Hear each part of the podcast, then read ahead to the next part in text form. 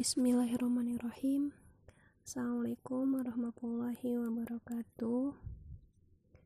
Alhamdulillahirrabbilalamin Wabihi nasta'in Wa ala umududdin wa din Assalatu wassalamu ala asrafil anbiya wal mursalin Sayyidina Muhammadin Hota nabiyana wa alihi washabi ajmain Amma ba'd. Tak ada rasa yang tak pantas kita utarakan Selain rasa syukur kita kepada Allah Subhanahu wa taala karena alhamdulillah kita masih bisa diberikan waktu yang begitu banyak untuk senantiasa insya Allah ya kita manfaatkan dan kita pergunakan sebaik-baik mungkin menyongsong dan bergerak untuk dakwah ini. Salawat dan salam Semoga tetap tercurah limpahkan kepada junjungan Nabi yang Masya Allah luar biasa. Terus jadi panutan untuk kita semua yakni Nabi Muhammad SAW kepada keluarganya, sahabatnya, tabiin dan tabiat dan juga sampai kepada para ulama kita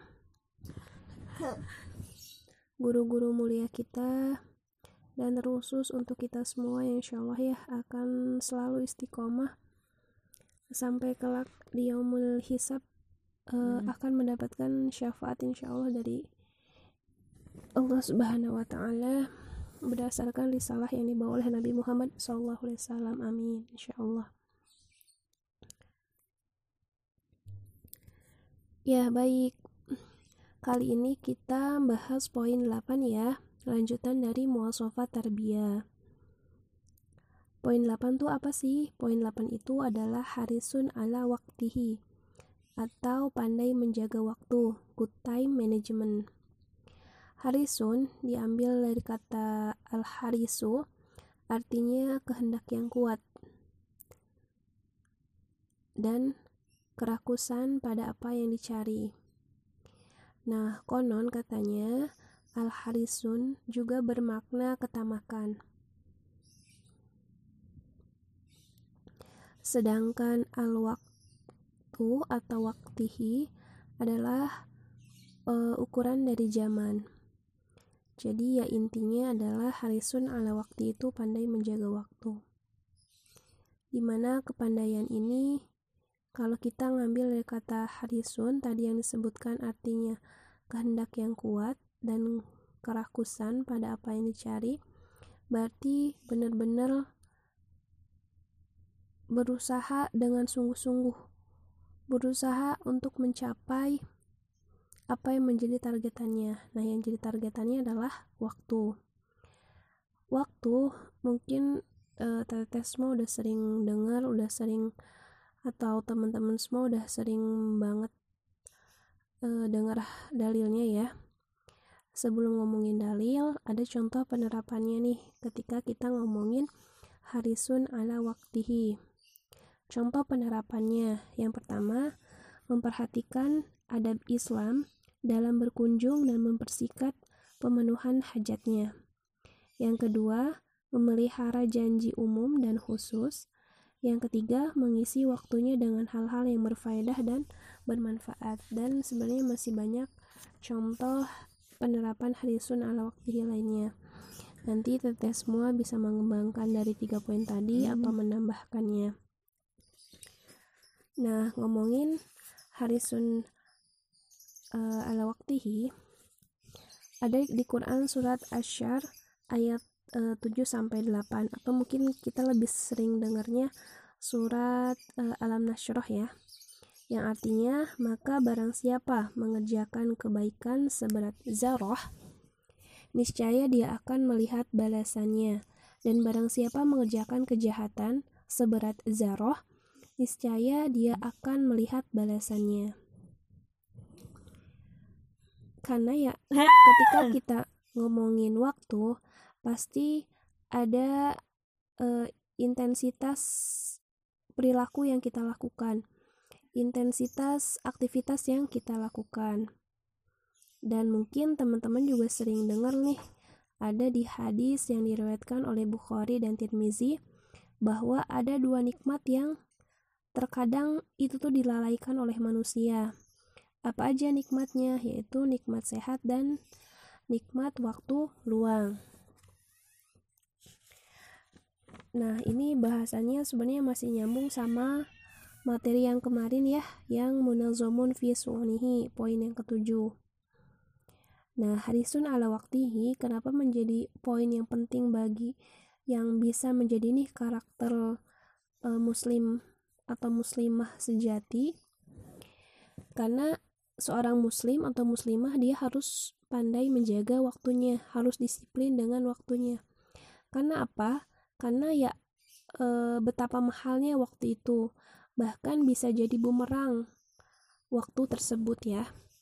Di mana Yahya bin Hubairah, beliau adalah seorang ulama, beliau pernah berkata bahwa waktu adalah hal yang paling mahal yang engkau harus prioritaskan dan menjaganya. Karena saking mahalnya ya, waktu juga menurut Yahya bin Hubairah paling mudah diabaikan, paling mudah disia-siakan. Karena saking mahalnya ya, kalau kita ngomongin waktu, hal mahal itu pasti susah dicurinya susah dibawa kaburnya.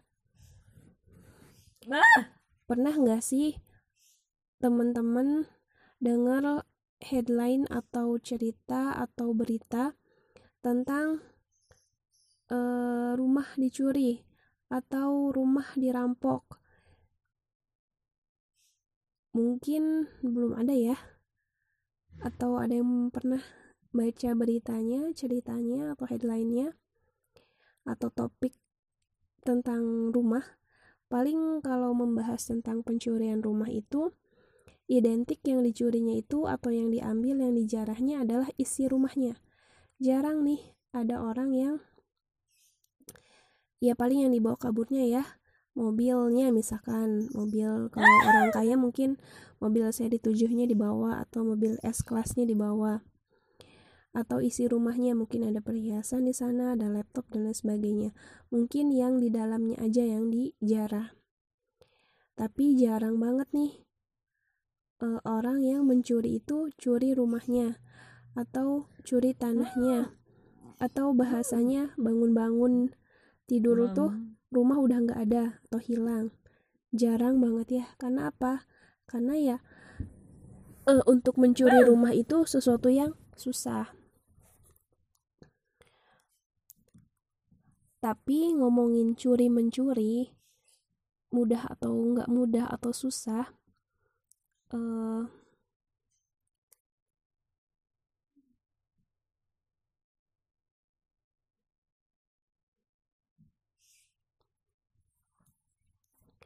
ada banget nih kadang kita terlupakan.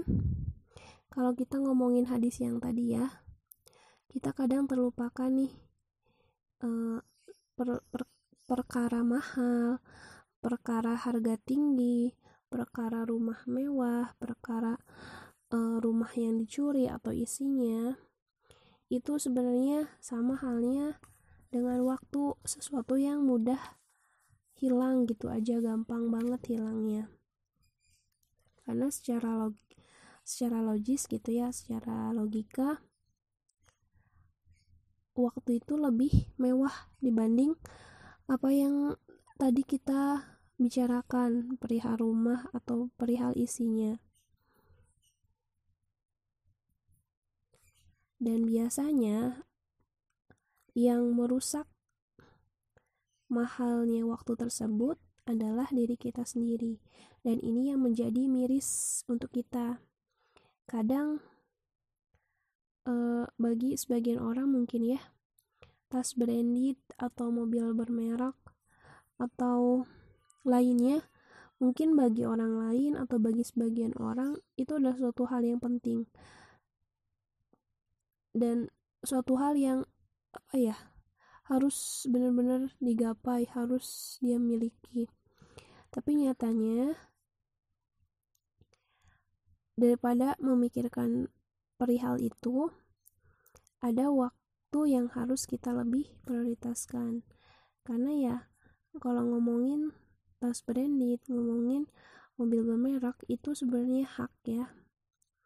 Tapi banyak orang yang terlalaikan oleh hal-hal terse hal-hal tersebut ya. Ya diingatkan lagi bahwa manusia itu punya dua kerugian yang besar yaitu waktu luang dan sehat. Karena kelak di hari kiamat nanti kaki kita itu, anggota tubuh kita itu, mata kita itu, tangan kita itu, semuanya dari mulai ujung rambut sampai ujung kaki atau ujung rambut kakinya lagi itu akan ditanyai setiap jamnya, setiap detiknya, setiap menitnya, setiap bulannya, setiap tahunnya akan ditanyai. Sudah dipergunakan untuk apa? dan lain sebagainya. Ngomongin waktu juga ya. Waktu itu terdiri dari masa lampau, masa kini, dan masa yang akan datang. Karena waktu harus terisi, jika tidak, maka waktu tersebut akan menjadi suatu kekosongan. Masa lampau adalah waktu yang telah berlalu dan tidak mungkin kita memintanya kembali. Waktu yang telah terlewat tidak bisa dikejar. Untuk itu, jika berlalu tanpa amal, maka akan menjadi suatu yang hampa sampai tiba saatnya dihisap pada hari kiamat. Tidak mungkin pada hari ini dan esok hari mengerjakan amal pada hari yang telah berlalu. Oleh karena itu nih, teman-teman, kita harus sangat memperhatikan waktu hari ini nih, waktu sekarang dan waktu esok jika memang kita mau bersungguh-sungguh untuk menjaga waktu. Masa sekarang harus benar-benar diperhatikan supaya tidak terbuang percuma begitu saja seperti masa yang telah lalu. Kita harus mampu memanfaatkan dengan sebaik-baiknya waktu sekarang dan tidak menyanyiakannya untuk terus mengenang, apalagi mengenang masa lalu meratapinya sampai kehilangan waktu yang telah berlalu.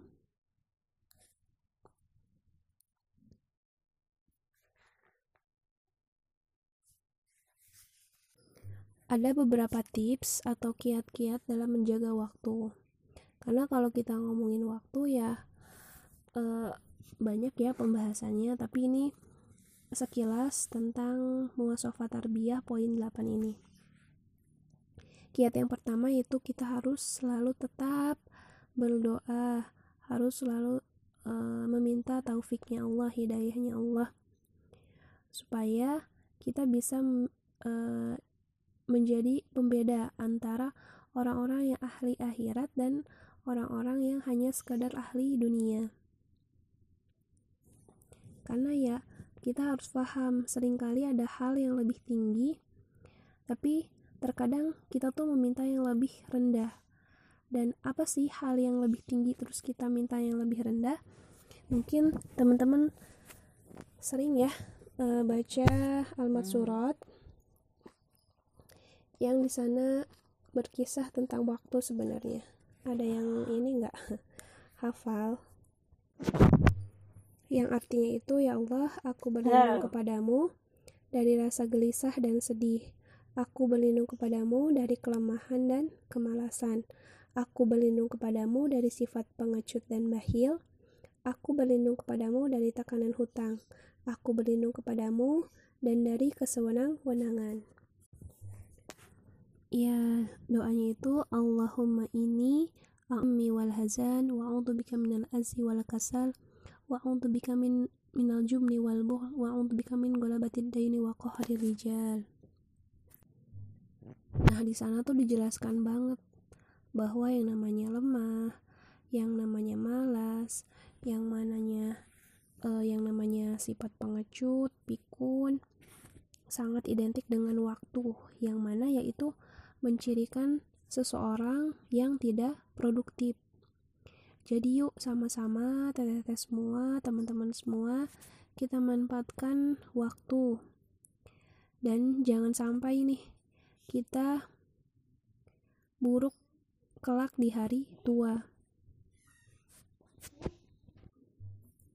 bayangin deh para ulama itu ulama-ulama kita sampai hari tuanya itu masya Allah luar biasa manfaat sekali waktunya.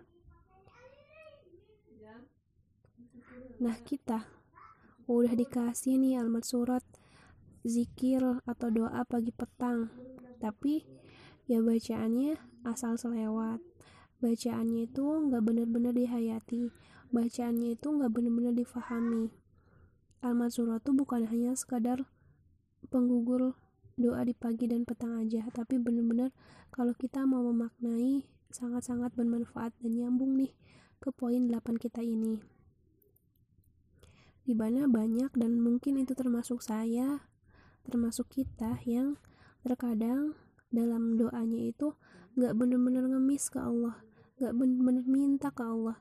Padahal jelas di sana dikatakan tentang poin ini tentang poin dalam seorang muslim itu harus pandai menjaga waktunya. Bahkan ada nih sosok Amir uh, Amir bin Abi Qais. Beliau itu ketika ada seorang mau ngajak ngobrol nih. Singkat cerita aja ya beliau itu menjawab ya. Pada seorang yang mau ngajak beliau ngobrol tersebut. Saya mau nih diajak ngobrol asalkan anda atau seorang tersebut tolong nih berhentikan dulu matahari. Bayangin saking menurut Amir bin Abi Qais waktu itu sangat-sangat berharga sampai minta tolong pada seorang yang memang ingin cuma ngajak ngobrol doang. Paling ngobrol berapa menit sih? Nggak akan lama kan ya? Ya kecuali ngobrolnya perempuan kan ngegosip. Pasti bisa lama banget tuh nah beliau tuh saking paham uh, tentang waktu itu sangat berarti. Bener-bener uh, pedangnya dia bener-bener luar biasa waktu itu tuh.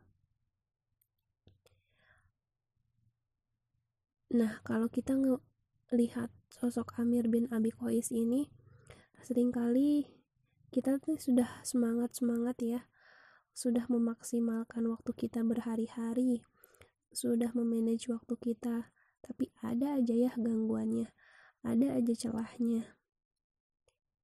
Sampai mungkin kita tuh ada mungkin ya orang yang hmm, apa ya nggak tegaan, nggak bisa nolak. Ya itu sebenarnya bagian dari langkah-langkah setan ya. Apalagi kalau waktu yang kita isi adalah waktu-waktu yang memang untuk kebaikan. Makanya nih ketika kita mau nolak sesuatu kita ketika kita mau bersikap enggak tegaan pada sesuatu kita harus objektif. Waktu mana yang harus kita tolak? Ada juga seorang ulama uh, Ibnu Jarir atau Berani. Uh, mungkin teman-teman udah sering banget ya beliau adalah ulama besar pakarnya tafsir sampai uh, yang saya pahami beliau tuh luar biasa. Uh, sebelum wafatnya bahkan di detik-detik wafatnya kali ya beliau itu luar biasa masih uh, produktif dalam menulis masih mau terus belajar. Uh, diriwayatkan juga ada yang mengatakan bahwa beliau itu dalam sehari dalam sehari nih saking produktifnya saking paham bahwa waktu itu sesuatu yang sangat penting sesuatu yang sangat mahal dan tidak akan bisa terulang Ibnu Jari atau Bari ini uh, dalam seharinya bisa uh, menuliskan 14 sampai 40 kertas dalam sehari loh. Itu nonstop bayangin rutin selama 40 tahun. Lah kita mungkin ya atau saya pribadi sering nulis tapi e, kapasitas tulisannya tuh ecek-ecek. Kapasitas tulisannya itu bukan ilmu. Nah e, Ibnu Jarir atau Bari ini Masya Allah selama 40 tahun bisa menghasilkan dalam satu harinya itu 14 sampai 40 kertas dalam sehari. Itu tuh isinya ilmu. Sampai beliau itu menjelang wafatnya ya sampai usia 86 tahun. Benar-benar ilmu ya bukan ngasal bukan asal curhat bukan asal pansos tapi benar-benar ilmu benar-benar yang beliau tuangkan tuangkan itu adalah suatu hal yang bermanfaat karena ya beliau paham juga bahwa masa masa tua yang buruk itu adalah suatu penyakit yang mana penyakitnya itu disebabkan karena tidak pandainya memanfaatkan waktu. Kiat yang kedua ya dalam kita menjaga waktu adalah menanamkan keyakinan bahwa uh, tidak ada satu detik pun, tidak ada satu menit pun, tidak ada satu jam pun atau satu waktu pun yang berlalu kecuali kita tuh pasti akan ditanya oleh Allah Subhanahu wa taala.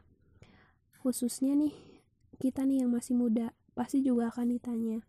Mungkin udah sering mendengar juga ya uh, riwayat hadisnya bahwa pasti kita tuh akan ditanya umur kita udah dipakai apa sih? Udah dihabiskan buat apa sih? Kamu nongkrong selama ini nongkrong ngapain sih? Kamu berselancar di media sosial uh, bener-bener media sosialnya dimanfaatkan untuk hal yang baik enggak sih? Dan lain sebagainya. Sampai dikatakan dan akan ditanya masa muda kita untuk apa? Dipakai dipergunakan untuk apa? Harta kita dipergunakan untuk apa? Dan lain sebagainya. Karena yang Allah tanya itu kan nikmat-nikmat yang Allah berikan di suatu waktu yang kita sepakat bahwa e, nikmat waktu itu adalah nikmat yang paling mahal ada seorang ulama, beliau Ibnu Hurairah mengatakan bahwa waktu itu an-nafas. An-nafas itu artinya yang paling mahal. Jadi waktu itu yang paling mahal. Uh, adanya corona ini juga sebenarnya Allah tuh nanya ke kita. Sebenarnya Allah tuh memberikan jeda buat kita. Waktu kita itu selama uh, stay at home atau apa work from home dan lain sebagainya lah tagline yang kayak gitu Allah tuh ngasih waktu buat kita nah waktu selama pandemi tersebut yang berapa bulan ya kita di rumah aja apakah benar-benar dimanfaatkan dengan sebaik-baiknya atau enggak apakah mungkin malah sebaliknya kita lebih banyak rebahan rebahan dan rebahan Apakah seperti itu? Tapi kan aku kan yang penting gak zina.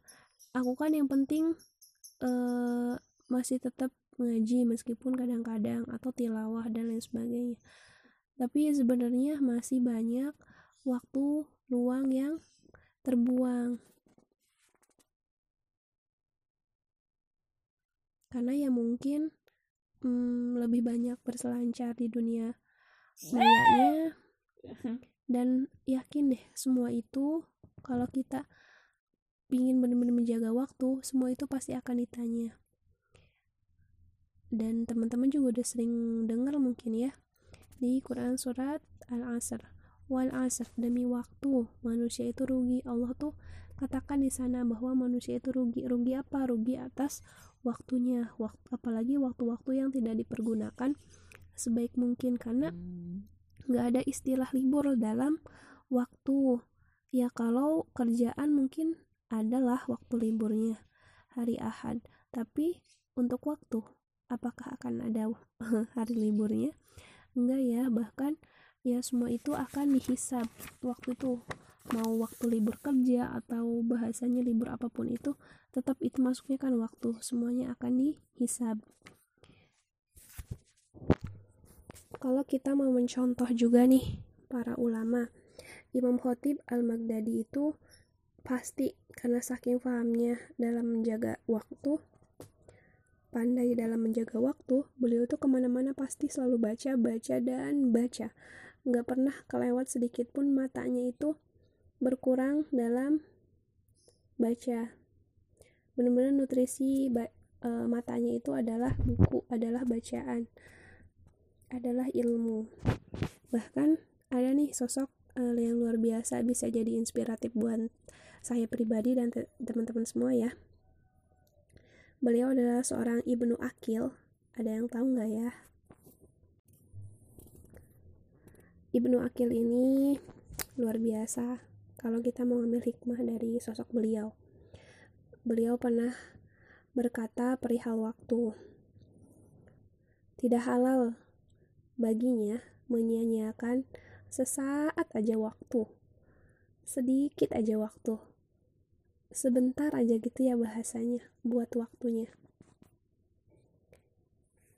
bahkan beliau pun pernah berkata andaikan nih lisannya capek lisannya letih lisannya lelah lisannya sakit itu tuh hanya karena waktunya terisi untuk mengulang-ulang ilmu.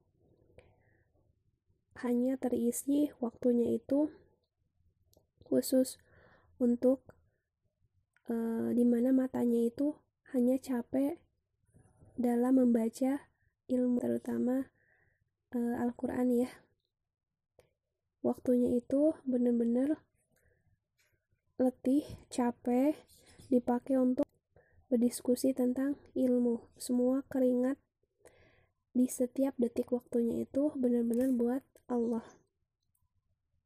Bahkan sampai beliau katakan nih Ibnu Akil ini, andaikan nih lisannya harus berhenti, matanya harus berhenti, ada yang tidak boleh berhenti. Beliau benar-benar pingin waktunya itu bermanfaat, benar-benar ya tadi yang dikatakan Ibnu Akil di awal bahwa tidak tidak halal tuh. Bahasanya itu tidak halal. Bagi dia itu menyanyikan waktunya meskipun cuman sesaat cuman sebentar. Sampai kalau misalkan lisannya matanya harus memang letih benar-benar capek nggak bisa dipakai buat uh, mengulang ilmunya atau matanya capek membaca beliau akan tetap mempergunakan waktunya untuk berpikir di saat dia harus beristirahat. Dan masya Allahnya nggak sampai situ aja, saking pandai menjaga waktu, saking tahu bahwa waktu itu adalah suatu hal yang penting. Saat beliau bangkit, beres istirahat nih, beres berpikir. Ada nggak sih kita istirahat sambil berpikir? Kalau tidur mah tidur aja ya, istirahat mah istirahat aja. Tapi Ibnu Akil ini saking beliau luar biasa ingin dan paham bahwa waktu itu sesuatu yang mahal, sesuatu yang penting. Urgensi bagi dia waktu itu benar-benar luar biasa. Uh, beliau tuh saat bangkitnya dari istirahatnya, pasti beliau itu akan tahu apa yang harus beliau lakukan. Apa yang harus beliau tulis, apa yang harus beliau ungkapkan, apa yang harus beliau lakukan selanjutnya. Luar biasa ya. Kalau kita mungkin kalau udah bangun tidur ingatnya apa? Atau udah istirahat ingatnya apa? Atau bahkan pengen istirahat lagi ya ingatnya ah nauzubillah ya. Mudah-mudahan kita bisa meniru nih sosok Ibnu Akil. Dan beliau itu ketika bangkitnya pun akan selalu merasa spiritnya, semangatnya, hasratnya dalam mencari ilmu, dalam melakukan riset, dalam berdakwah itu benar-benar luar biasa. Bahkan e, pernah dikatakan Ibnu Akil itu padahal udah usia 80 tahun tapi beliau tuh pernah berkata aku lebih semangat di usiaku 80 tahun dalam memanfaatkan waktu dalam mempergunakan waktu dibanding usia beliau itu eh, sekitar 20 tahun. Bayangin 80 tahun aja masih semangat Ibnu Akil. Kita 20 tahun ya masih receh kayak gini. Jadi bener-bener uh, beliau tuh kayaknya uh, waktu itu luar biasa banget.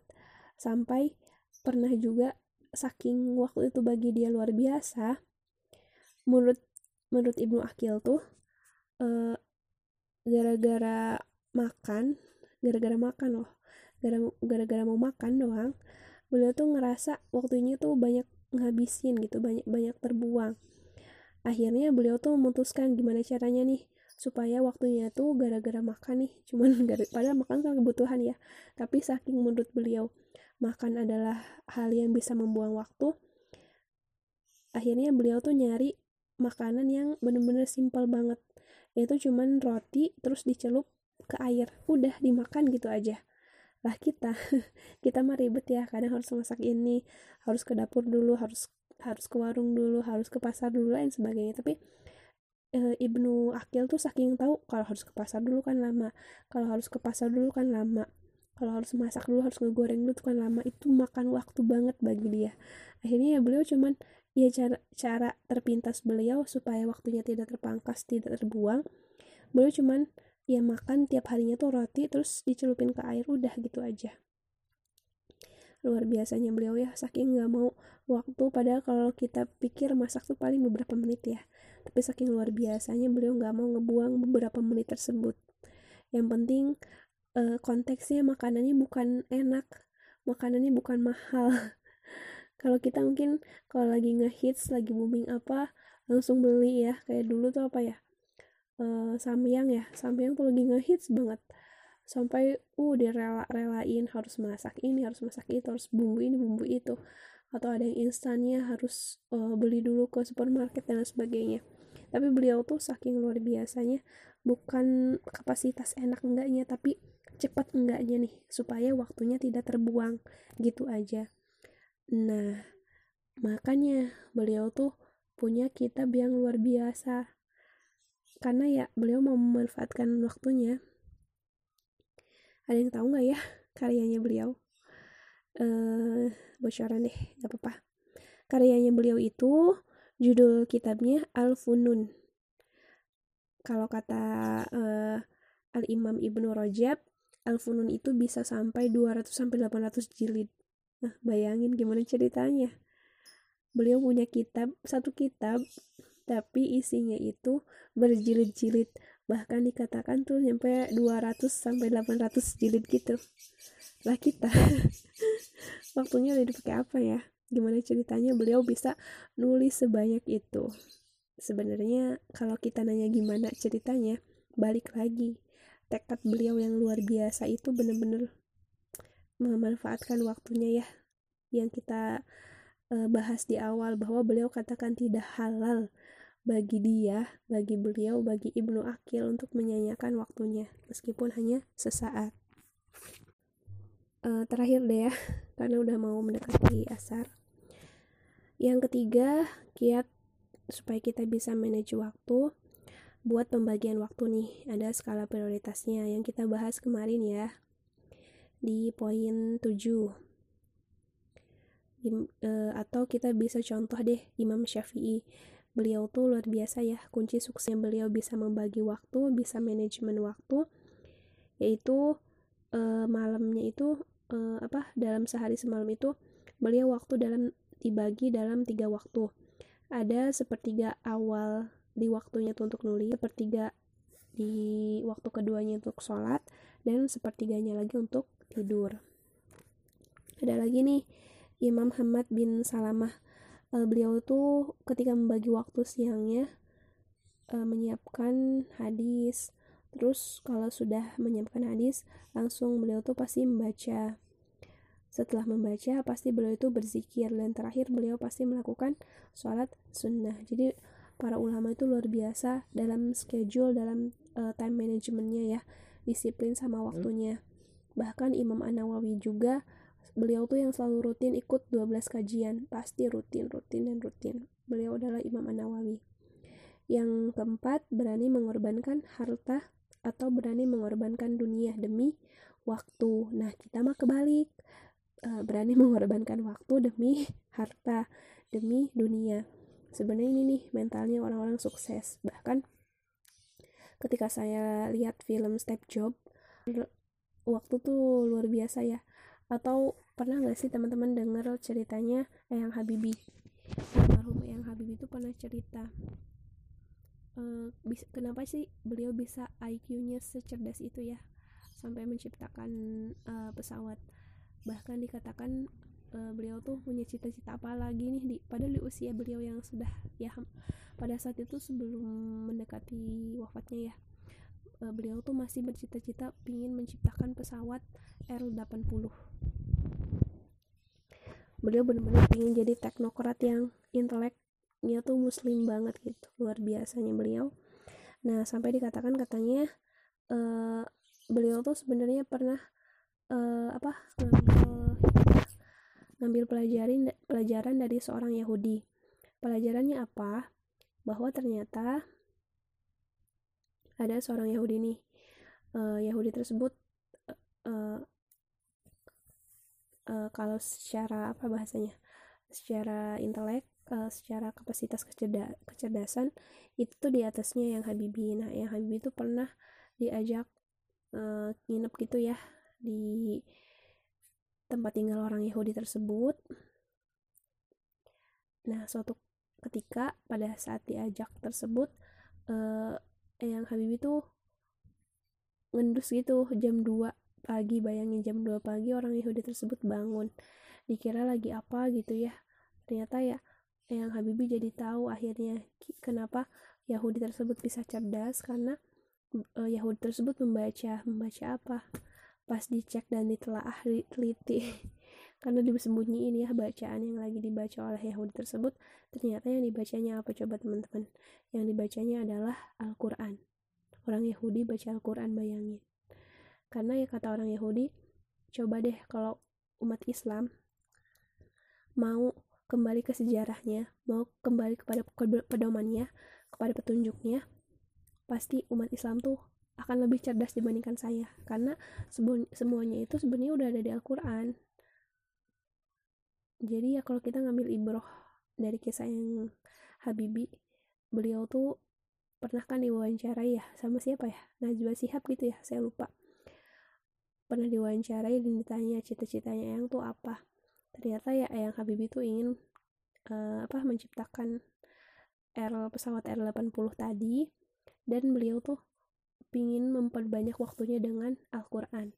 Supaya bahasanya tuh uh, sebenarnya lebih ke cinta ya cinta Ainun. Tapi kalau kita lihat konteksnya oh berarti beliau tuh sosok yang benar-benar ingin memanfaatkan waktunya untuk Allah gitu untuk Al-Quran.